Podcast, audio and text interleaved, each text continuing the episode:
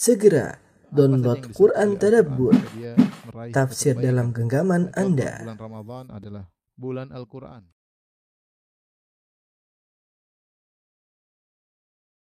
Bismillahirrahmanirrahim. Assalamualaikum warahmatullahi wabarakatuh. Alhamdulillahi ala ihsani wa syukru lahu ala taufiqihi wa amtinani. Asyhadu an la ilaha illallah wahdahu la syarika lahu ta'ziman li sya'ni. Wa asyhadu anna Muhammadan abduhu wa rasuluhu da'ila ridwani. Allahumma salli alaihi wa ala alihi wa ashabihi wa ikhwani. Eh, para ikhwan akhwat majelis dari Kolbun Salim yang dirahmati oleh Allah Subhanahu wa taala. Kita melanjutkan bahasan kita dari kitab Riyadhus Shalihin dan kita masih pada bab uh, as-sabar ya. Pada hadis berikutnya kata Imam Nawawi rahimahullahu taala wa Abi Yahya Suhaib bin Sinan radhiyallahu taala anhu Qala qala Rasulullah sallallahu alaihi wasallam ajaban li amril mu'min sungguh menakjubkan perkara seorang mukmin Inna amrahu kullahu lahu khair. Sungguhnya perkaranya adalah seluruhnya baik baginya. Wa laysa dzalika li ahadin illa lil mu'min. Dan hal ini tidak berlaku kecuali kepada orang mukmin. In asabathu sarra syakar. Kalau dia ditimpa dengan atau mendapatkan kebaikan maka dia bersyukur. Fakana khairan lahu dan ini baik baginya. Wa in asabathu dharra sabar. Kalau dia ditimpa dengan penderitaan maka dia pun sabar. Fakana khairan lahu dan ini lebih baik eh, baginya ya. Eh, hadis ini ya menjelaskan tentang keistimewaan orang mukmin. Tentu orang mukmin yang sejati. Tidak semua orang mukmin demi- demikian ya, tetapi mukmin yang sejati perkaranya menakjubkan. Ya, kenapa? Karena seluruh perkara yang menimpanya adalah kebaikan. Apakah dia mendapatkan kesenangan, maka itu baik baginya dengan bersyukur kepada Allah. Ataukah ketika dia ditimpa dengan kemudaratan, perkara yang tidak sukai dan dia bersabar dan itu juga baik baik baginya. Ya, sehingga seorang mukmin eh, hanyalah berpindah dari satu kebaikan kepada kebaikan yang lainnya. Jika dia mendapatkan kesenangan, dia bersyukur dan itu yang terbaik baginya. Jika dia mendapat penderitaan, kemudaratan, musibah yang tidak sukai, maka dia bersabar dan itu baik baginya. Dan Nabi sini mengatakan, "Walaysa dzalika li ahadin illa lil mu'min." Dan ini tidak berlaku kecuali pada seorang mukmin. Bagi seorang selain mukmin, bagi orang kafir misalnya, ya. Maka ini tidak berlaku. Yang didapatkan orang kafir adalah keburukan dan keburukan. Jika dia mendapatkan kesenangan, ya, dia bersenang-senang, sering berhura-hura menghabiskan hartanya pada perkara yang tidak benar, bermaksiat kepada Allah Subhanahu wa taala. Ya, maka kenikmatan yang dia dapatkan oleh seorang kafir, didapat oleh seorang kafir hanyalah menambah ya ke, keburukannya. Dia semakin jauh dari Allah Subhanahu wa taala, semakin eh, jauh dari Sang Pencipta. Kemudian nikmat-nikmat yang dia rasakan semua itu ya akan dia pertanggungjawabkan pada hari eh, kiamat kelak ya. Akan dia pertanggungjawabkan pada hari kiamat kelak. Karena kata Allah Subhanahu wa taala, "Tsumma latus'alunna yauma idzin 'anil na'im." Sungguhnya kalian akan ya dimintai pertanggungjawaban oleh Allah tentang seluruh kenikmatan yang kalian rasakan. Oleh karena semakin banyak kenikmatan yang dirasakan oleh orang kafir yang tidak digunakan untuk bersyukur kepada Allah, maka itu hanya menambah bebannya eh, di akhirat kelak. Hanya menambah bebannya di akhirat kelak. Demikian juga jika orang kafir mendapatkan musibah, maka dia tidak bersabar ya. Ya, maka musibah tersebut tidak akan mengurangi dosa-dosanya, tidak ya. Ya, musibah tersebut hanyalah mukaddimah dari eh, siksaan yang akan dia dapatkan di akhirat kelak. Ya, maka kita dapati seorang kafir kalau dapat musibah maka teriak-teriak, ngamuk-ngamuk. Ya, kita bisa lihat aja ketika ada keluarga dari mereka yang meninggal maka meronta-ronta, terkadang menampar-nampar pipinya, merobek-robek baju, meraung-raung, seakan-akan bahkan suatu perkara yang dibanggakan kalau bisa meraung-raung, meratapi mayat ya di ini ini yang kita lihat di apa di sebagian orang kafir ya. Beda kalau orang Islam, orang Islam tidak justru disuruh sabar, suruh tidak meraung-raung, sudah disuruh tidak untuk meratapi ya. Disuruh untuk menerima takdir Allah Subhanahu wa taala ya. Inilah beda antara orang mukmin dengan selain mukmin. Makanya Nabi sallallahu alaihi wasallam mengatakan, "Ajaban li amril mukmin." Menakjubkan perkara seorang mukmin, "Inna amrahu kullahu lahu khair." Seluruhnya perkaranya adalah baik.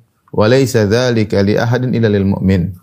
Dan hal itu tidak berlaku kecuali hanya kepada orang mukmin.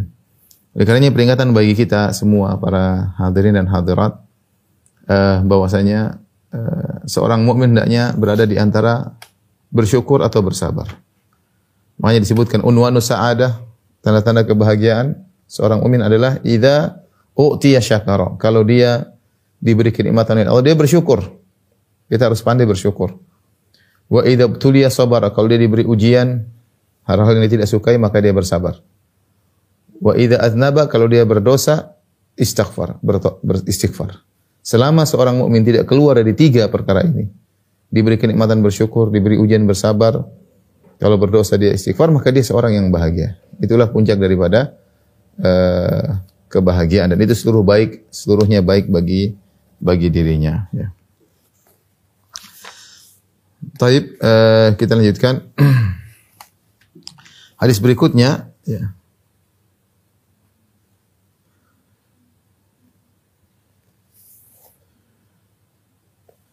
Wa an Anas radhiyallahu anhu dari Anas radhiyallahu taala anhu qala beliau berkata lamma thaqulan nabi sallallahu alaihi wasallam ja'ala yataghasyahu tatkala penyakit nabi sallallahu alaihi wasallam semakin berat dan uh, semakin parah ya. Ya.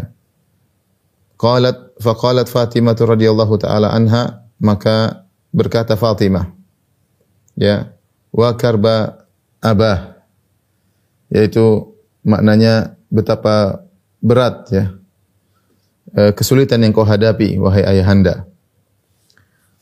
Dia berkata Fatimah di hadapan Nabi sallallahu alaihi wasallam dan dia melihat Nabi bagaimana kesulitan yang dihadapi oleh Nabi. Bahkan disebutkan Nabi ketika sedang sakit dan menjelang semakin sakit yang akhirnya menjadikan Nabi sallallahu alaihi wasallam meninggal. Nabi sampai sampai demam, Nabi sampai menutup wajahnya dengan selimut ya. Rasulullah SAW mengalami kesulitan ya sampai panasnya dua kali lipat ya. Sampai seorang sahabat datang menyentuh selimut Nabi, selimut Nabi sudah terasa panas. Ya. ya. Kemudian Fatimah melihat ayahnya demikian, dia mengatakan wa karba abah ya. Yaitu betapa berat penderitaan engkau hai ayahanda. Maka apa jawaban Nabi SAW? Laisa ala abiki karbun ba'dal yaum. Tidak ada penderitaan lagi bagi ayahmu setelah hari ini. Ini terakhir ya. Ini kalau ayahmu meninggal selesai. Ini inilah ujian-ujian terakhir dalam kehidupan. Falamma mata tatkala Nabi SAW meninggal dunia, maka Fatimah berkata, "Ya abata ajaba rabban da'ah." Wahai ayahanda, ya. Ya, sungguh ayahku dia telah memenuhi Rabb yang telah memanggilnya, yaitu memenuhi panggilan Allah Subhanahu wa taala. Ya abata man jannatul firdausi ma'wah. Wahai ayahanda yang surga firdaus adalah tempat kembalinya. Ya abata ila Jibril nan'ahu. Wahai ayahanda kepada Jibril kami kabarkan kematianmu. Falamma dufina tatkala Rasulullah SAW dikuburkan, qalat Fatimatu alaiha salam maka berkata Fatimah radhiyallahu anha waktu itu di kuburan uh, ada Anas ya. Kemudian Fatimah berkata kepada Anas, "Ya Anas, atabat anfusukum an tahdhu ala Rasulullah sallallahu turab?" Wahai Anas, ya.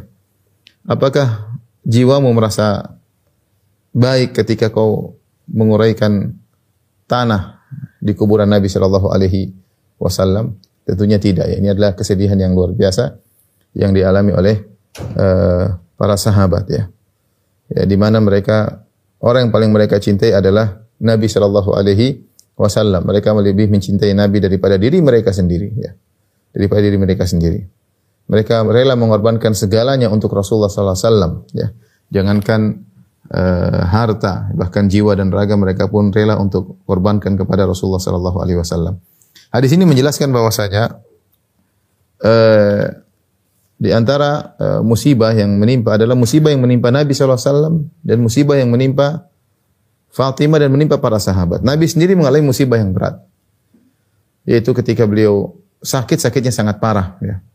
Dan sebagaimana Nabi SAW mengatakan, Asyadun nasi balaan alam biya. Orang yang paling berat ujiannya adalah para para nabi.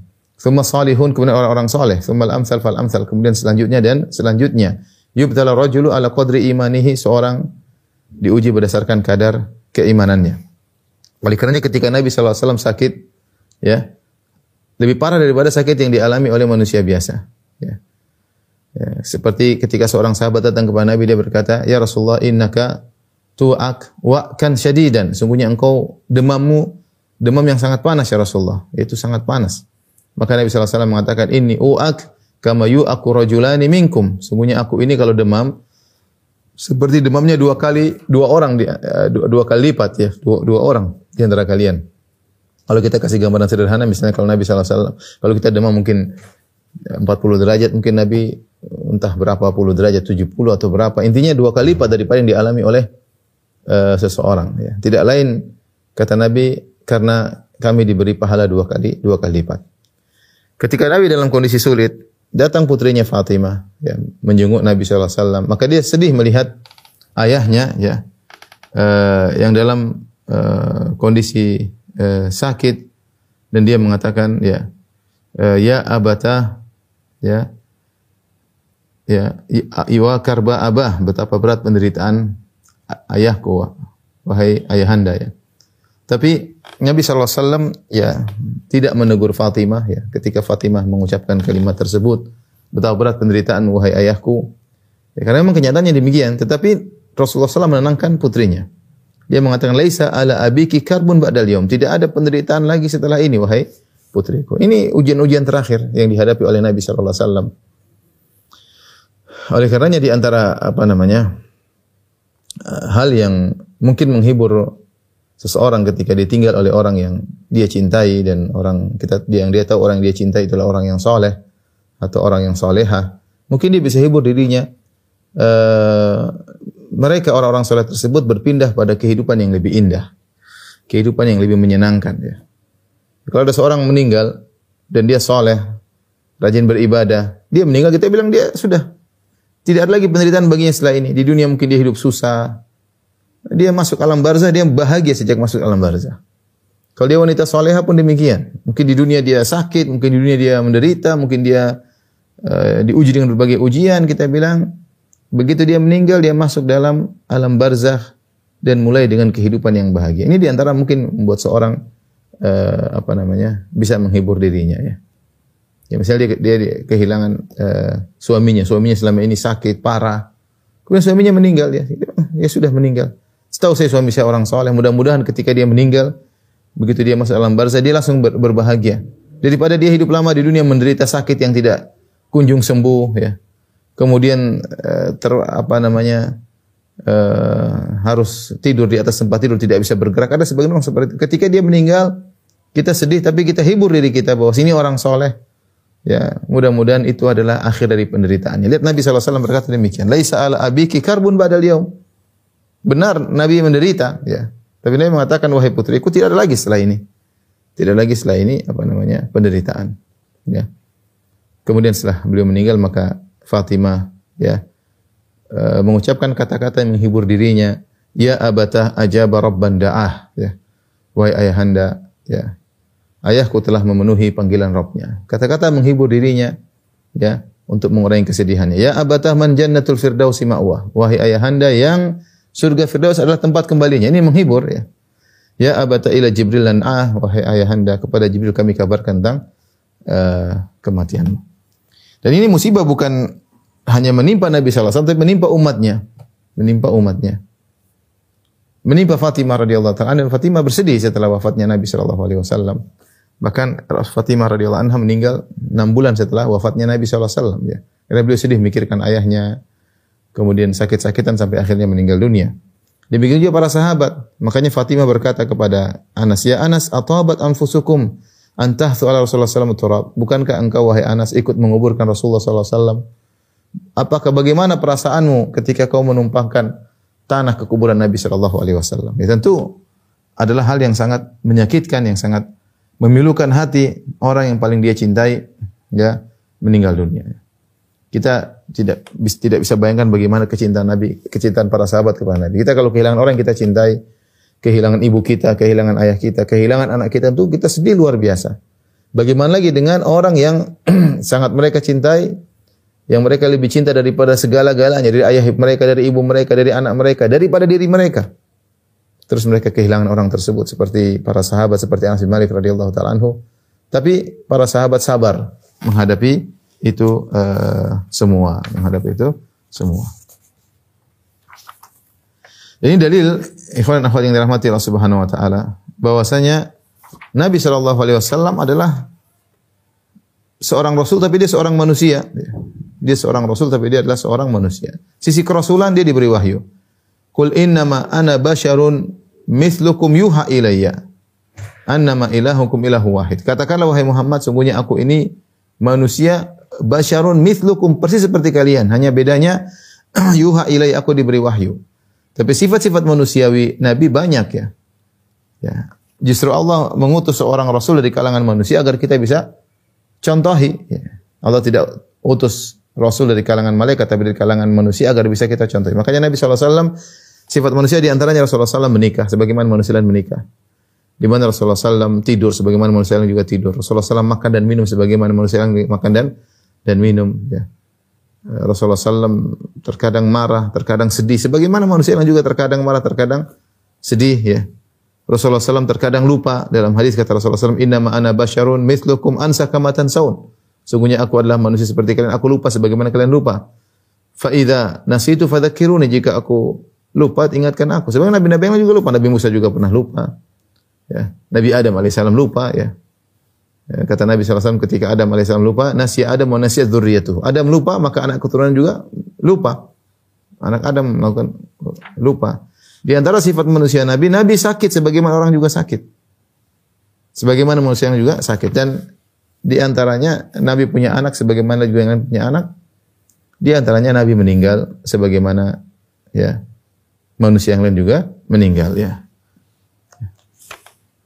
Wa Muhammadun illa rasulun qad khalat min qablihi rusul. Afa imma aw qutilan qalabatum ala aqabikum. Kata Allah Subhanahu wa taala, tidaklah Muhammad sallallahu alaihi wasallam kecuali hanyalah uh, seorang rasul dari rasul-rasul sebelumnya yang telah berlalu. Sebagaimana rasul-rasul sebelumnya meninggal, maka Nabi juga meninggal. Afa immata, kalau dia meninggal kalian mau kalian mau murtad, ya. Nabi meninggal. Allah mengatakan dalam Al-Qur'an juga dalam ayat yang lain, "Innaka mayyitun wa innahum mayyitun." Kau akan meninggal sebagaimana mereka akan meninggal. Thumma innakum yaumal qiyamati inda rabbikum takhtasimun. Kemudian setelah kalian meninggal dibangkitkan, maka kalian akan bersengketa di hadapan Rabb kalian. Innaka mayyit. Wahai Rasulullah, engkau akan meninggal sebagaimana yang akan orang-orang musyrikin juga akan meninggal. Berkata Jibril alaihissalam kepada Nabi sallallahu alaihi wasallam, ya, Isma syi'ta, ya, fa innaka mayyit. Kata Jibril, wahai Muhammad, hiduplah sesukamu, kau akan meninggal dunia. Kau akan uh, meninggal dunia, ya. Makanya Abu Bakar ketika Rasulullah SAW meninggal, Abu Bakar mengatakan, "Man kana ya'budu Muhammadan fa inna Muhammadan qad mat. Wa man kana ya'budu Allah fa inna Allah hayyun la yamut." Siapa yang uh, menyembah Muhammad maka Muhammad sudah mati. Ya. Barang siapa yang menyembah Allah maka Allah Maha hidup dan tidak akan tidak akan mati. Rasulullah SAW sudah meninggal dunia. Dia hidup di atas kehidupan lain, kehidupan alam barzakh. Ya, Eh, dan tidak tidak hidup lagi dalam kehidupan dunia kita seperti ini. Ya, makanya kalau ada yang mengatakan Rasulullah masih hidup seperti kita, ini adalah perkataan batil. Ya. Apalagi Rasulullah SAW kemudian hidup, kemudian jalan-jalan ke sana kemari menghadiri acara sana acara sini, tidak kebatilan. Berarti Rasulullah masih hidup dong. Sebagaimana keyakinan sebagian orang sufi ya, yang meyakini Rasulullah SAW masih hidup, masih keluar, masih ketemu dengan guru-guru mereka ya, dan lain-lain khurafat-khurafat yang yang menyelisih ayat-ayat dan hadis-hadis Nabi Shallallahu Alaihi Wasallam. Namun ini bukan saatnya kita membahas hal tersebut. Tapi intinya Rasulullah SAW diuji bahkan ujiannya lebih berat dan para sahabat juga diuji dengan wafatnya Nabi Shallallahu Alaihi Wasallam. Tapi kita lanjutkan. Wan Abi Zaid Usama bin Zaid bin Harithah Maula Rasulullah Shallallahu Alaihi Wasallam muhibbuhu wa ibni hibbihi. Dari Abi Zaid Usama bin Zaid. Usama adalah anak dari Zaid bin Harithah dan Zaid bin Harithah adalah budak Rasulullah SAW yang dimerdekakan oleh Nabi Shallallahu Alaihi Wasallam. Usama bin Zaid, kedua-duanya dia dan bapaknya Usama dan bapaknya Zaid, dua-duanya adalah orang yang sangat dicintai oleh Nabi Shallallahu Alaihi Wasallam. Maka disebut dengan disebut dengan Hibbun Nabi ibnu Hibbin Nabi Shallallahu Alaihi Wasallam, yaitu kekasih Nabi, anak dari kekasih Nabi. Karena Usama sendiri adalah Hibbun Nabi. Usama adalah anak yang sangat dicintai oleh Nabi Shallallahu Alaihi Wasallam. Bapaknya Zaid bin Harithah juga sangat dicintai oleh Nabi Shallallahu Alaihi Wasallam. Sebagaimana kita ketahui Zaid bin Harithah uh, dahulu adalah seorang budak yang dibeli uh, oleh uh, ponakannya Khadijah radhiyallahu uh, taala anha ya. Itu Hakim bin Hizam, Hakim bin Hizam membeli membeli Zaid bin Harithah kemudian dihadiahkan kepada Khadijah bintu Khuwailid istri Nabi sallallahu alaihi wasallam. Kemudian Khadijah menghadiahkan kepada Nabi sallallahu. Dan akhirnya Nabi mengangkat Zaid bin Harithah sebagai anak angkat dan sangat dicintai oleh Nabi. Sampai-sampai Zaid dikenal oleh para sahabat dengan Zaid bin Muhammad. Kemudian Allah tegur, "Ud'uhum li abaihim huwa aqsatu indallah." Sebutlah nama-nama mereka dengan nama ayah mereka. Jadi tidak lagi Zaid bin Muhammad tapi Zaid bin Harithah. Tapi Nabi sangat sayang kepada Zaid bin Harithah. Dia adalah budak pertama yang masuk Islam. Nah Zaid bin Harithah punya anak namanya Usama. Ini pun sangat dicintai oleh Nabi Shallallahu Alaihi Wasallam. Ya. Hadis ini diriwayatkan oleh Usama radhiyallahu taala anhu dia berkata, Arsalat bintu Nabi sallallahu alaihi wasallam inna bni qad uhtidhar fashhadna ya. Ada seorang putri Nabi sallallahu alaihi wasallam mengirim utusan kepada Nabi sallallahu alaihi wasallam dia berkata wahai Rasulullah putraku sedang sakaratul maut uhtidir fashhadna hadirlah kepada kami. Jadi mengatakan ya Rasulullah cucumu karena putranya itu cucu Nabi sallallahu alaihi wasallam mungkin putri Nabi ini kalau tidak salah adalah Zainab ya. Dia mengirim utusan kepada Nabi untuk datang ke rumahnya karena cucu Nabi atau putranya Zainab atau yang lainnya uhtudir yaitu dalam kondisi mau meninggal dunia. Fashhadna maka hadirlah atau datanglah kepada kami. Fa arsala yukri'us salam maka Nabi mengirim utusan kepada putrinya. Wa yaqul sebelum Nabi datang Nabi kirim seorang untuk mengirim pesan Nabi kepada putrinya. Wa yaqul dan Nabi berkata pesan kepada putrinya, "Inna lillahi ma akhadh." Sungguhnya milik Allah lah yang apa yang Allah ambil. Walahu ma a'ta dan apa yang Allah berikan juga milik Allah. Wa kullu syai'in indahu bi ajal musamma dan segala sesuatu di sisi Allah ada waktunya, ada ajalnya. Fal tasbir wal tahtasib. Hendaknya putriku bersabar, hendaknya putriku mengharapkan pahala dalam ujiannya tersebut. Ini di antara uh, apa namanya? uh, nasihat Nabi kepada putrinya. Diingatkan inna lillahi ma. Sungguhnya bagi Allah apa yang Allah ambil itu milik Allah. Artinya kalau putramu meninggal diambil oleh Allah itu milik Allah. Walahu ma dan apa yang Allah berikan kepadamu sebelumnya sesudahnya semuanya adalah milik Allah juga. Tapi ingat wa kullu syai'in indahu bi musamma. Segala sesuatu yang Allah berikan itu ada ada waktunya. Semuanya ada waktunya. Ada waktunya Allah ambil lagi, ada waktunya Allah kembalikan lagi. Fal tasbir wal tahtasib. Maka yang dilakukan adalah bersabarlah wal tahtasib dan berharap pahala. Rasulullah tidak datang. Hanya mengirim orang untuk menyampaikan pesan. Fa arsalat ilaihi tuqsimu alaihi liyatiyannaha. Maka putri Nabi ini kirim utusan lagi kedua kali. Bersumpah hendaknya ya ayah datanglah tengok cucumu. Hendaknya kau datang. Akhirnya Rasulullah SAW mungkin ada kesibukan. Akhirnya Rasulullah datang. Faqama wa mahu Sa'ad bin Ubadah. Maka Rasulullah pun berdiri bersamanya Sa'ad bin Ubadah. Sa'ad bin Ubadah adalah Sayyidul Khazraj. Pimpinan dari suku Khazraj. Ya, di Madinah ada dua Sa'ad. Dua-duanya pemimpin. Ada Sa'ad bin Mu'ad, pimpinan suku Al-Aus. Dan Sa'ad bin Ubadah, pimpinan suku Al-Khazraj. Kemudian Nabi berdiri, ada Nabi, ada Sa'ad bin Ubadah, ada Mu'ad bin Jabal, wa Ubay bin Ka'ab, ada Ubay bin Ka'ab, wa Zaid bin Thabit, ada Zaid bin Thabit, wa rijalun radhiyallahu anhum dan beberapa sahabat lain yang Allah yang Allah ridho kepada mereka. Farufi'a ila Rasulillah sallallahu alaihi wasallam maka anak tersebut cucu Nabi diangkat diberikan kepada Nabi sallallahu alaihi wasallam dalam kondisi sakaratul maut. Faqadahu fi hijrihi maka Rasulullah SAW pun meletakkan di pangkuannya wa nafsuhu wa nafsuhu taqaqa ya. Itu nafasnya bergetar, sudah tidak stabil. Fafadat aina, maka Nabi pun menangis. Ini cucunya yang dia sayangi. Cucu laki-lakinya. Melihat cucunya apa namanya eh, nafasnya tidak stabil lagi, Nabi pun menangis. Faqala saat maka berkata saat bin Ubadah, "Ya Rasulullah, ma hadha? Ya Rasulullah, kenapa Anda menangis?"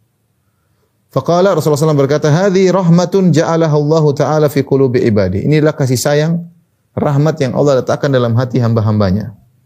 Wa fi riwayat dalam riwayat yang lain, fi qulubi man syaa min ibadihi. Allah letakkan kasih sayang dalam hati hamba yang Allah kehendaki. Wa inna ma yarhamullahu min ibadihi ruhama. Sungguhnya yang dicintai oleh Allah, yang disayang oleh Allah adalah hamba-hambanya yang penyayang. Uh, Ikhwan dan akhwat yang dirahmati Allah Subhanahu wa taala, ya. Ini adalah uh, ujian yang dialami oleh putri Nabi sallallahu alaihi wasallam dan juga ujian dialami oleh Nabi sallallahu alaihi wasallam. Bagaimana putrinya memiliki anak dan anak tersebut sakit akan meninggal dunia, ya kan kemudian dipanggil kakeknya itu Rasulullah sallallahu alaihi wasallam. Tapi lihat nasihat Nabi sallallahu alaihi wasallam. Rasulullah SAW waktu itu sibuk, mungkin dia tidak bisa datang, maka dia kirim orang untuk sampaikan kepada putrinya innalillahi ma akhadh. Sungguhnya apa yang Allah ambil untuk ingatkan bahwasanya segala sesuatu milik Allah. Makanya di antara perkataan yang diucapkan jika seorang terkena musibah innalillahi wa inna ilaihi rajiun. Sungguhnya kita ini semua adalah milik Allah wa inna ilaihi rajiun dan kita semua akan dikembalikan kepada Allah Subhanahu wa taala. Maka apa yang Allah ambil itu miliknya. Mau ibu kita, mau ayah kita, mau istri kita, suami kita, anak kita, semuanya milik Allah. Kapan Allah mau ambil, Allah ambil. Ya. Harus kita ingat, ini semua hanya milik Allah. Inna lillah. Makanya kalau kita dapat musibah, kita bilang, kita ini milik Allah. Kalau kita milik Allah, apalagi barang-barang kita. Mobil kita kayak apa, kayak harta kita, emas kita, perak kita, perusahaan kita. Kalau ternyata lagi jatuh, kita mengalami kehilangan, kita bilang semuanya milik Allah. Allah mau ambil, Allah pindahkan kepada yang lain, terserah Allah Subhanahu wa taala. Tugas kita bersabar. Oleh karena perkataan ini perkataan yang mengingatkan kepada pemilik yang sesungguhnya. Nyawa kita milik Allah. Benar, kita hidup bersama istri kita, istri kita milik Allah. Benar kita punya anak, anak kita milik Allah, orang tua kita milik Allah. Maka Nabi tegaskan kepada putrinya, "Inna lillahi ma akhadh." Apa yang Allah ambil itu milik Allah, bukan milik siapa-siapa. Walahu ma'ata dan apa yang Allah berikan itu milik Allah juga. Yang kita sekarang dapat kenikmatan, jangan lupa semua milik Allah. Harta, kekayaan, ya, kesehatan, semuanya milik Allah. Dunia semua ini isinya milik Allah Subhanahu wa taala. Dunia dan isinya milik Allah. Terus Nabi ingatkan wa kullu syai'in indahu bi ajal musamma. Segala sesuatu ada waktunya. Kita ada waktunya. Istri kita ada waktunya, anak kita ada waktunya, rumah kita ada waktunya, mobil kita ada waktunya, semuanya ada waktunya, uang kita ada waktunya. Ada waktunya, selesai. Dalam riwayat murha fal tasbir wal tahtasib. Kata Rasulullah kepada utusannya, suruh putriku untuk bersabar dan untuk mengharapkan pahala. Ini penting. Kita seorang bersabar, dia mengharapkan pahala di balik kesabarannya. Itu membuat dia jadi reda. Dia tahu bahwasanya di balik kesabaran ini ada pahala yang yang besar dan pahala sangat besar. Yuwaffas sabiruna ajran bighairi hisab. Sungguhnya orang yang bersabar itu diberikan ganjaran tanpa hisab. Ya, sangat sangat banyak ya. Namun sang putri minta Nabi untuk datang dan akhirnya Nabi datang bersama sebagian sahabat. Kemudian Nabi memegang cucunya sementara nafasnya tidak stabil itu Nabi menangis. Ini dalil bahwasanya tangisan bukan berarti bentuk tidak sabar. Seorang tidak bisa mengatur hatinya. Ya, sehingga dia pun menangis dan justru itu tanda rahmat. Jadi seorang menangis ketika terkena musibah bukan berarti pahalanya tidak ada, enggak, dia itu rahmat. Makanya Nabi justru tidak menyalahkan tangisan. Bahkan ketika Sa'ad bin Ubadah berkata, "Mahada ya Rasulullah?" Apa ini Rasulullah? Kenapa Anda menangis? Maka Rasulullah jelaskan, ini rahmat yang Allah berikan ke dalam sebagian hamba, hati hamba-hambanya. Bahkan Rasulullah menegaskan, mendukung hal tersebut Rasulullah mengatakan, "Inna ma yarhamullah min ibadihi ar-ruhama." Sungguhnya yang dirahmati oleh Allah hanyalah hamba yang rahmat. Dan orang yang ketika terkena musibah melihat anak kecil dalam kondisi seperti itu, dia nangis, ini orang yang rahmat dan dia akan dirahmati oleh Allah. Yang tidak boleh berlebih-lebihan. Yang tidak boleh meronta-ronta. Ya, bukan berarti tidak nangis sama sekali. Tidak nangis juga ada masalah. Ya. Uh, Allah tidak membani luar kemampuan kita. Kita nggak kuat. Ya. Kita lihat orang tua kita meninggal, kita menangis. Ya. Yang penting tahan diri. Bukan kita maksa diri untuk tidak menangis. Kita tidak bisa. Itu rahmat yang Allah berikan pada hati pada hati seorang. Tidak jadi masalah. Anda menangis, Anda dirahmati oleh Allah Subhanahu Tapi yang yang tidak boleh adalah berlebih-lebihan. Ujian dari ujian kepada nabi, kepada putrinya, ya. Jadi menangis ketika terkena musibah tidak jadi masalah, ya. Ada yang ada yang saudara yang meninggal, anak meninggal, suami meninggal.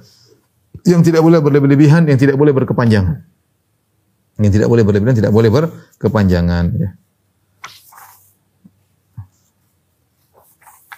Makanya kalau ada orang yang ditinggal oleh orang yang dia cintai, kita bilang itu milik Allah. Itu di antara hal yang buat kita apa namanya? bisa lebih sabar. Ibuku milik Allah, ayahku milik Allah, istriku milik Allah, suamiku milik Allah, anakku milik Allah. Allah berhak untuk ngambil mereka. Dan Allah mungkin memindahkan mereka pada kehidupan yang lebih baik daripada kalau mereka hidup di dunia ini dengan berbagai macam fitnahnya, dengan berbagai macam penderitaan yang dialami. Allah ambil lebih baik ya. Eh, taib, kita lanjutkan. Hadis berikutnya, hadis cukup panjang. Kita akan bacakan tentang kisah seorang pemuda yang bersabar ya. Yang ini dibawakan oleh para ulama banyak ahli tafsir dalam tafsir dari surat uh, Al-Buruj, kisah Ashabul Ukhdud. Ya. Kita bacakan wa an Suhaib radhiyallahu taala anhu anna Rasulullah sallallahu alaihi dari Suhaib radhiyallahu anhu bahwasanya Rasulullah SAW berkata, "Kana malikun fi man kana qablakum." Dahulu ada seorang raja dari umat sebelum kalian. Wa kana lahu sahir. Raja ini punya seorang penyihir. Falamma kabir qala lil malik. Tatkala sang penyihir sudah tua, dia berkata kepada sang raja, "Inni qad kabirtu fab'ath ilayya gulaman uallimuhu sihra." Wahai raja, sungguhnya aku sudah tua. Ya, aku ingin mewariskan ilmu sihirku. Utuslah kepadaku seorang pemuda, yang pemuda yang cerdas tentunya. Aku akan ajarkan ilmu sihir kepadanya. Faba'atha ilahi gulaman yu'allimuhu. Maka raja memilih seorang pemuda, dia kirim pemuda tersebut. Tentu pemuda yang cerdas, karena ini ingin mewarisi ilmu sihir dari penyihir sang raja. Maka raja mengutus seorang pemuda belajar. Wa kana fi tariqihi idza salaka rahib. Ketika dia berjalan menuju tempat penyihir, ada rahib. Rahib itu maksudnya ahli ibadah. Ahli ibadah. Faqa'ada ilaihi wa sami'a kalamahu fa'ajabahu. Tapi ahli ibadah ini ternyata dia punya ilmu. Dia terkadang ceramah. Maka ketika dia ingin berjalan ke rumah penyihir untuk belajar ilmu sihir, dia mampir mendengar perkataan rahib, seorang ahli ibadah tersebut. Dan dia kagum dengan wejangan-wejangan dari ahli ibadah tersebut. Wa kana idza atas sahir marra bir rahib wa qa'ada ilaihi. Kalau dia datang ke, tukang sihir, dia mampir dulu ke ahli ibadah tadi dan dia dengar wejangan-wejangannya. Fa idza atas sahir darabahu. Ketika dia datang ke tempat penyihir, dia dipukul sama tukang sihir tadi. Karena terlambat dipukulin sama penyihir. Tapi dia belajar sihir juga. Fasyaka dzalika rahib, maka dia pun lapor hal tersebut kepada rahib. Faqala dia bilang, "Ya, saya dipukulin." Kata rahib, "Idza khasyita sahir faqul habasani ahli." Kalau kau takut dipukul oleh penyihir, bilang, "Aku tadi ditahan oleh keluargaku." Wa idza khasyita ahlak faqul habasani sahir. Kalau kau takut dipukul, dimarahin oleh keluargamu, bilang saya ditahan oleh penyihir. Cari alasan supaya kau tidak dipukul oleh penyihir. Fabainama huwa ala dhalik Ketika dia seperti itu, datang ke tukang sihir, mampir ke rahib, datang ke tukang sihir, mampir ke rahib. Dan dia mendengar dari dua-duanya. Dari tukang sihir dia belajar ilmu sihir, dari sang rahib dia belajar ilmu agama. Fabainama huwa ala dhalik ketika dalam kondisi demikian, id ata ala dabatin azimatin qad habasatin nas. Tiba-tiba dia melihat seekor hewan yang besar, bisa jadi itu seekor hewan yang buas yang menghalangi orang-orang untuk lewat. Maka dia berkata, "Al yauma a'lamu sahiru afdal amir rahib afdal." Hari ini aku akan tahu siapa yang lebih afdal, tukang sihir ataukah sang rahib. Karena dia mendengar dua-duanya. Dari dari tukang sihir dia mendengar ilmu, dari rahib dia dengar ilmu. Hari itu dia mengatakan, "Hari ini aku akan tahu mana yang lebih afdal, tukang sihir atau sang rahib." Fa hajaran, kemudian dia ambil batu. Dia berkata, dia berdoa, "Allahumma in kana amru rahib ahabba ilaika min amri sahir faqtul hadhihi dabbah hatta yamdhiyan nas." Dia berdoa, dia bilang, "Ya Allah, kalau ternyata rahib lebih baik daripada penyihir, ahli ibadah lebih baik daripada penyihir, makalah maka bunuhlah hewan ini agar orang-orang bisa lewat." Faromaha, maka setelah dia berdoa dia ambil batu, dia lempar itu dabah hewan tersebut faqatalaha. Maka hewan tersebut mati, wa madhannas, maka orang-orang pun bisa lewat. Fa'atar rahiba fa akhbarahu, maka dia pun datang kepada sang rahib dia berkata, aku tadi berdoa begini dan akhirnya aku lempar dan hewan tersebut mati. Rahib berkata, "Ai bunayya antal yaum afdalu minni." Kok orang ini jadi wali anak muda ini. Hari ini kau lebih baik daripada aku sejak sekarang. Qad balagha min amrika ma ara. Kau telah sampai perkara yang aku lihat sekarang kau lebih hebat daripada aku. Wa innaka satubtala, perhatikan. Dan ingatlah kau akan diuji. Sudah menjadi seorang wali, seorang dicintai oleh Allah, doanya makbul dikabulkan kau akan diuji oleh Allah. Fa ini butulita fala tadulla alayya. Kalau kau diuji jangan kau sebut aku. Jangan kau sebut-sebut aku. Wa kana al-gulamu yubri'ul akmah wal abras. Maka akhirnya sang gulam diberi karamah oleh Allah Subhanahu wa taala sang pemuda tadi. Dia bisa menyembuhkan orang yang buta, dia bisa menyembuhkan orang yang abras, orang terkena penyakit albino ya, penyakit berkulit put, kulit putih. Wa yudawi nas min sairil adwa dan dia pun menyembuhkan penyakit-penyakit. Fasami ajalisun lil malik, maka ada seorang teman malik, teman raja, wa kana qad ami, teman dekat raja, teman ngobrolnya raja, dia buta. Ya. Maka dia ingin ingin sembuh. Dia dengar ada seorang pemuda suka menyembuhkan penyakit, bahkan orang yang buta bisa sembuh. Fa'atahu bihadaya katsirah. Maka dia pun bawa hadiah-hadiah yang banyak kepada sang pemuda. Faqala ma hahuna laka ajma'u in anta syafaitani. Dia mengatakan dia buta ini, ini teman-teman ngobrolnya sang raja. Dia mengatakan wahai sang pemuda, ini aku bawa hadiah yang banyak. Ini semua untuk engkau kalau kau bisa sembuhkan aku. Faqala inni la ashfi ahadan. Kata sang pemuda, aku tidak bisa menyembuhkan siapa pun. Innama yashfillahu ta'ala yang menyembuhkan hanyalah Allah Subhanahu wa taala semata. Fa in amanta billahi da'autullaha fasyafaq. Kalau kau beriman kepada Allah, aku akan berdoa kepada Allah dan Allah akan menyembuhkan. Syaratnya kau beriman dan aku akan berdoa. Jadi dia pemuda ini mendapat karamah di antara karamahnya adalah doanya mudah dikabulkan. Sampai ada orang yang buta dia dia berdoa sembuh. Orang yang baros terkena penyakit albino dia berdoa sembuh. Dia bilang saya tidak bisa menyembuhkan yang menyembuhkan Allah Subhanahu wa taala. Akhirnya teman raja ini beriman fa amana billah dia beriman kepada Allah. Dan sang pemuda berdoa fasyafahullah maka dia pun sembuh bisa melihat kembali. Fa'atal malika fajalasa ilaika makana yajlis. Maka dia pun datang ngobrol sama raja seperti kebiasaan dia. Raja heran, faqala lahul malik, raja heran. Man radda alaika basarak? Siapa yang mengembalikan penglihatanmu? Kok bisa melihat lagi? Kata teman raja tersebut, Rabbi. Tuhanku yang mengembalikan penglihatanku. Qala awalaka rabbun ghairi? Apakah ada Tuhan bagimu selain aku? Aku ini Tuhanmu. Apa ada Tuhan yang lain? Teman raja berkata, "Qala rabbi wa rabbuka Allah." Tuhanku dan Tuhanmu adalah Allah. Oh raja ngamuk. Raja marah. Bagaimana temannya mengatakan Tuhanku Tuhanmu adalah Allah. Fa akhadahu falam yazal yu'adzibuhu hatta dalla 'alal gulam. Disiksalah temannya tersebut disiksa disiksa. Siapa yang siapa yang bikin kau begini? Akhirnya disiksa dia tidak tahan dia bilang sang pemuda yang buat aku beriman. Akhirnya ditunjukkanlah pada sang pemuda di mana lokasinya faji abil gulam. Akhirnya sang pemuda dihadirkan di hadapan raja. Faqala lahul malik, raja berkata kepada sang pemuda, "Ai bunayya qad balagha min sihrika ma tubri'ul akmal abrasa wa taf'al wa taf'al." Raja mengira anak muda ini belajar sihir terus kepada penyihir. Padahal anak muda ini tidak, dia sudah tidak percaya sama penyihir dan dia dapat karamah dari Allah dan dia belajar dari sang rahib ya. Maka raja mengatakan, "Wahai putraku, wahai sang pemuda, sihirmu sudah hebat. Sampai bisa menyembuhkan orang buta, bisa menyembuhkan orang yang baros dan kau bikin begini, bikin begitu hebat." Maka sang pemuda berkata, "Inilah asfi ahadan. Aku tidak bisa menyembuhkan siapa pun." Subhanallah, dia bilang, "Saya tidak menyembuhkan siapa pun." Dia hanya berdoa, "Inna ma yashfillahu ta'ala." Yang bisa menyembuhkan hanyalah Allah Subhanahu wa taala. Raja pun marah. Fa akhadahu falam yazal yu'adzibuhu. Diambillah sang muda, disiksa, disiksa. Siapa yang bikin kau begini? Disiksa hatta dalla 'ala rahib. Akhirnya dia pun ngaku sang pemuda. Yang ngajarin saya si rahib. Sang ahli ibadah. Padahal rahib sudah bilang, kalau kau diuji ini betulita fala tadulla alayya. Kalau kau disiksa, diuji jangan kau tunjukkan saya. Tapi karena sang pemuda tidak kuat, akhirnya ditunjukkan tempat sang rahib. Faji'a bir rahib faqila lahu maka datanglah pendeta atau sang rahib ahli ibadah ini di hadapan sang raja. Maka faqila lahu dikatakan kepada sang rahib ahli ibadah irji an dinik. Tinggalkanlah agamamu.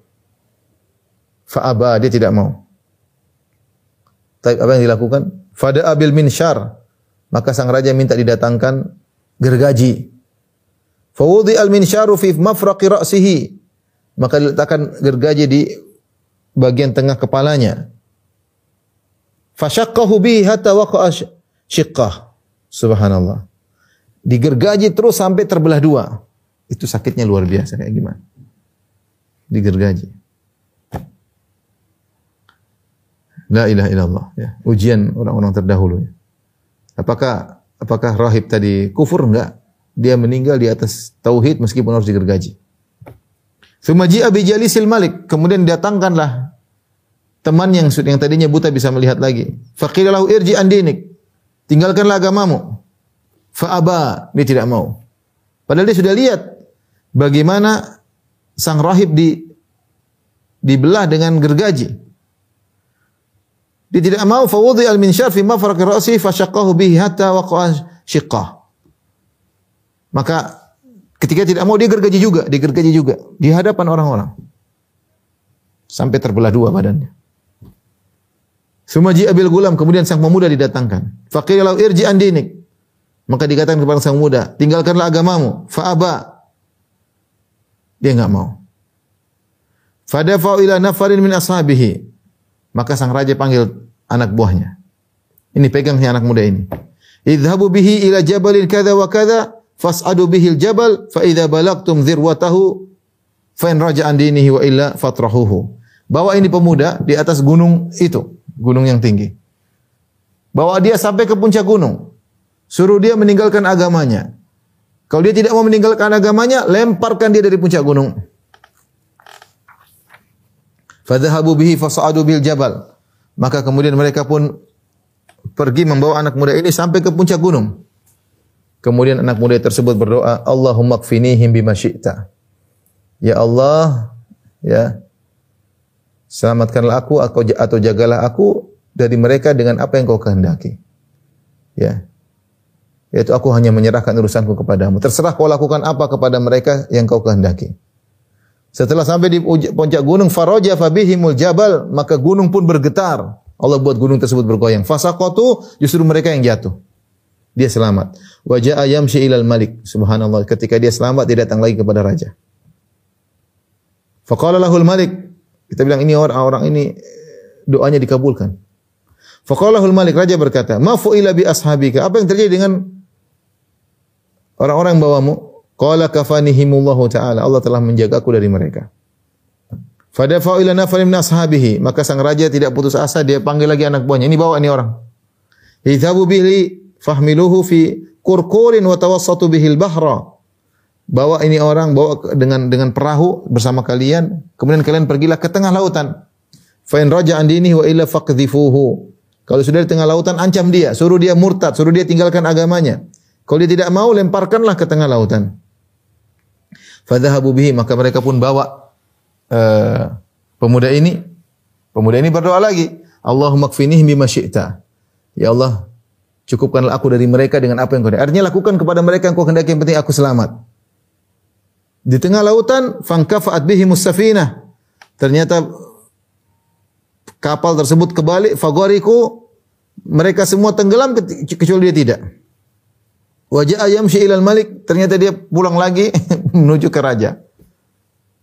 Raja heran. Faqala lahul malik raja berkata, "Mafu ila bi ashabika."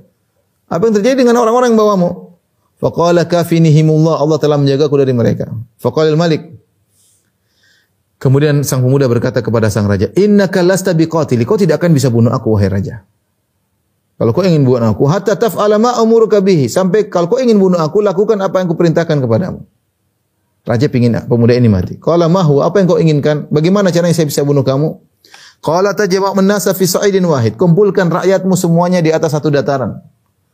Wa taslibuni ala jiz'in. Kemudian ikatlah aku di atas uh, pohon korma. Suma khudh sahman min kinanati. Kemudian ambillah salah satu anak panah dari tempat anak panahku. Suma dhaisam fi kabidil kaus. Kemudian letakkanlah anak panah di tengah busur.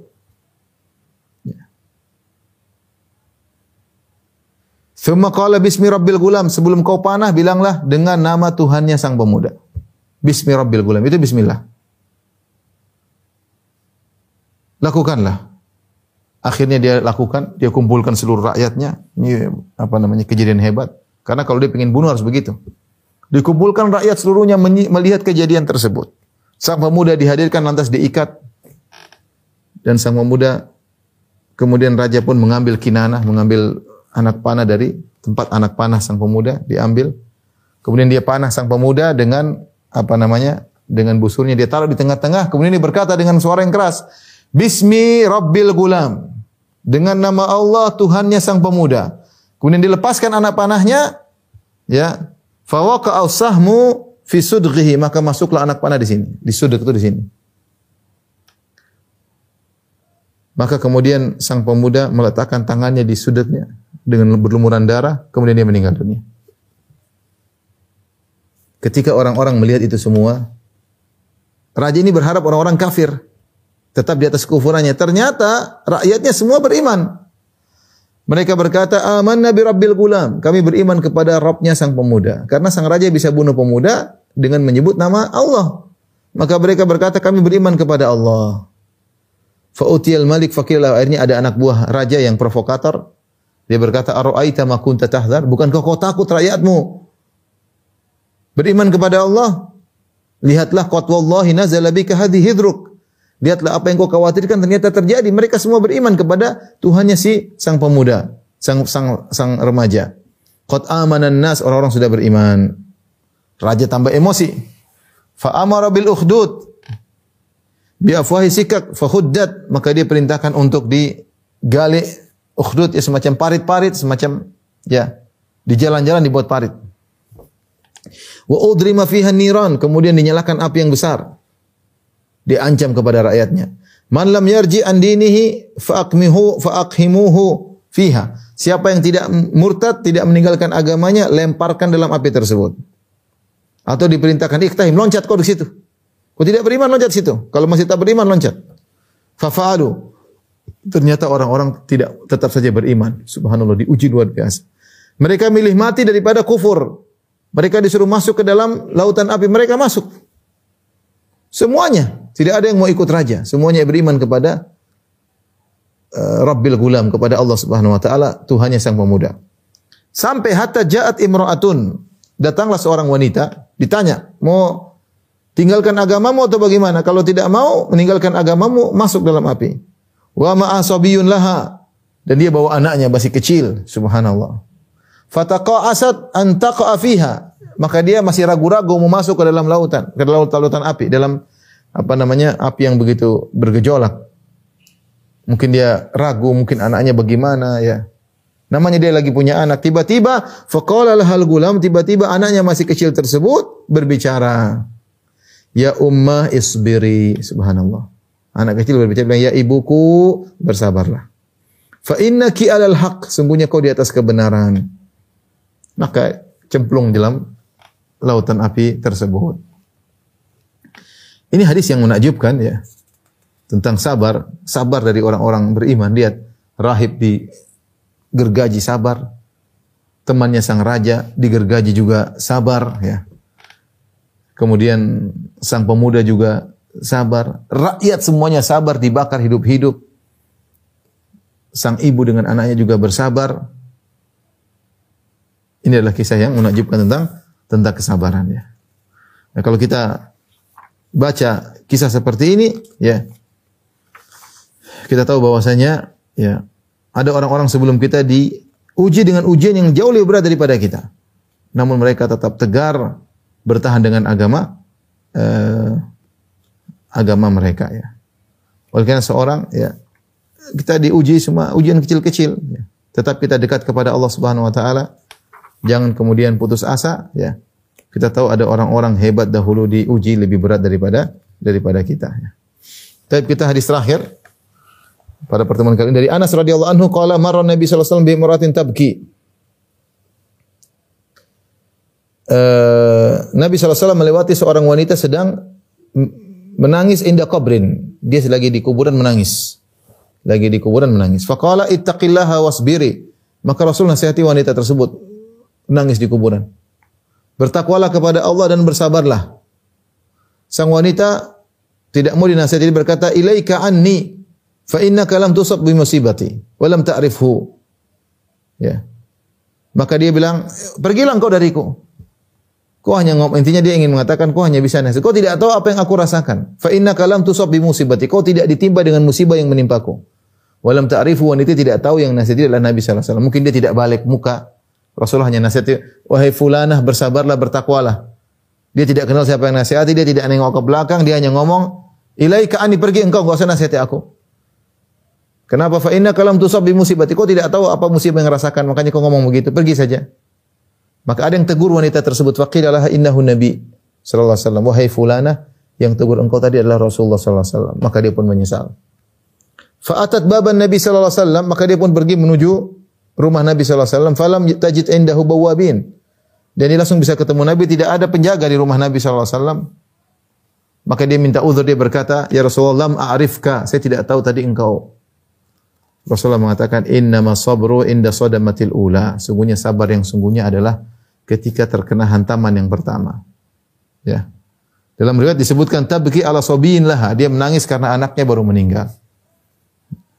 Perhatikan di sini, ini faedah yang pertama, ya. E, meratapi anak yang sudah meninggal adalah perbuatan tercela. Makanya Nabi teguri Nabi mengatakan ittaqillah wasbiri, bertakwalah bersabarlah. Jadi bukan bukan bukan bukanlah merupakan sunnah kita baru ada meninggal kita datang bolak-balik nangis-nangis melulu situ enggak. Enggak. Bersabar ya. Kita datang sesekali tapi bukan tiap hari datang kuburan ke misalnya kita baru meninggal orang tua kita baru meninggal anak kita datang nangis nangis. Enggak. Buktinya Nabi tegur orang ini. Kita jangan terbawa dengan perasaan. Kita sedih, oke, okay, nangis, oke, okay, tadi tidak dilarang. Tapi terus-terusan seperti itu tidak benar. Ya. Bahkan Rasulullah menegur wanita ini, jangan begitu. Ittaqillah bertakwalah bersabarlah. Karena tangisan dia menunjukkan tidak bersabar. Berlebihan. Ya. Makanya Syekh Utsaimin rahimahullah berkata, kalau orang ada kehilangan bukan berarti tiap hari ke situ. Kalau bisa dia lupakan lupakan dan dia tidak akan lupa tapi dia berusaha lupakan agar dia bisa melakukan yang kegiatan-kegiatan yang yang baik karena syaitan ingin kita bersedih berlebih-lebihan kalau sudah sedih bersedih berlebih-lebihan ini tidak bisa konsen seorang wanita tidak bisa konsen melayani suaminya seorang tidak bisa ngurus anaknya yang lain seorang suami tidak bisa konsen ngurus keluarganya beribadah juga macam-macam ah, dampak yang buruk ya kita sedih oke okay, tapi jangan terus-terusan makanya Nabi suruh wanita ini untuk bersabar wanita ini tidak tahu yang negur dia Nabi dia mengatakan ilaika anni inna kalam tusab bi musibah. Orang seperti terkadang. Pergi kau hanya bisa ngomong kau tahu apa yang aku alami. Dia tidak tahu bahwasanya Nabi mengalami lebih berat daripada dia. Nabi SAW ujian sangat banyak. Anaknya semua meninggal kecuali Fatimah. Semuanya meninggal di hadapan Nabi. Tadi cucunya juga meninggal. Tadi Rasulullah pegang cucunya sampai napasnya susah, Rasulullah pun menangis. Anaknya Ibrahim meninggal di pangkuan Nabi SAW. Ya Nabi diuji lebih banyak. Ini Nabi anaknya berapa? Tujuh. Semuanya meninggal selama hidup Nabi kecuali Fatimah. Istrinya meninggal Khadijah. Ketika dia berkata, kau tidak tahu musibah yang menimpa aku, kau tidak pernah mengalaminya, ini salah. Nabi lebih mengalami daripada dia. Tapi Nabi tidak balas. Nabi mengatakan, siapa bilang, saya lebih banyak daripada engkau. Nabi, Nabi tinggalkan saja. Akhirnya wanita ini menyesal, setelah dikasih tahu yang tegur adalah Nabi, maka dia mengatakan, Rasulullah mohon maaf tadi saya tidak kenal engkau. Rasulullah ingatkan, inna masabru inda sodamatil ula. Sabar yang sungguhnya adalah tatkala pertama kali terkena hantaman. Ini sangat penting ikhwan. Ibu-ibu, pertama kita terkena musibah, dengar apa pun langsung jangan lupa innalillahi wa inna rajiun. Allah majurni fi musibati wa akhlif li khairan minha. Langsung ber alhamdulillah ala kulli hal. Inna lillahi ma akhadh wa lahu ma a'ta. Wa kullu syai'in indahu bi ajalin musamma. Ngomong langsung. Ucapkan kalimat-kalimat ini buat kita bersabar. Karena kalau kita sabar belakangan, pahalanya kurang. Yang membedakan kita dengan dengan hewan, kalau hewan dia tidak sabar. Kita diberi akal. Kita diberi akal untuk berpikir bahwasanya yang kasih musibah adalah Allah. Semua ini milik Allah, Allah mau ambil pasti ada hikmahnya. Maka bersabar tatkala hantaman pertama. Yang saya ingatkan kepada ibu-ibu terkadang sulit untuk bersabar. Bapak-bapak mungkin masih tegar. Ibu-ibu benar-benar cari pahala dengan musibah. Begitu terkena musibah apa pun, langsung bilang inna wa inna Agar kuat hati ini. Alhamdulillah kulli hal. Allah ma'jurni fi musibata, ya fi, mubis, fi musibat. Ya Allah berikan aku ganjaran pada musibahku ini. Akhlif li khairan minha, gantikanlah lebih baik. Inilahi ma akhad. Sungguhnya apa yang Allah ambil seluruhnya milik Allah. Walahu atau apa yang Allah berikan juga milik Allah. Wa kullu syai'in indahu bi ajal musamma. Semua segala sesuatu ada waktunya untuk Allah ambil kembali. Karena kalau kita ronta-ronta awal-awal, ya ini inilah pahala paling besar luput dari kita. Justru awal musibah itulah yang pahalanya sangat besar. Inna sabru kesabaran yang sungguhnya adalah indah sodamatil ula. Tatkala hantaman yang yang pertama. Demikian wabillahi taufiq walhidayah. Assalamualaikum warahmatullahi wabarakatuh.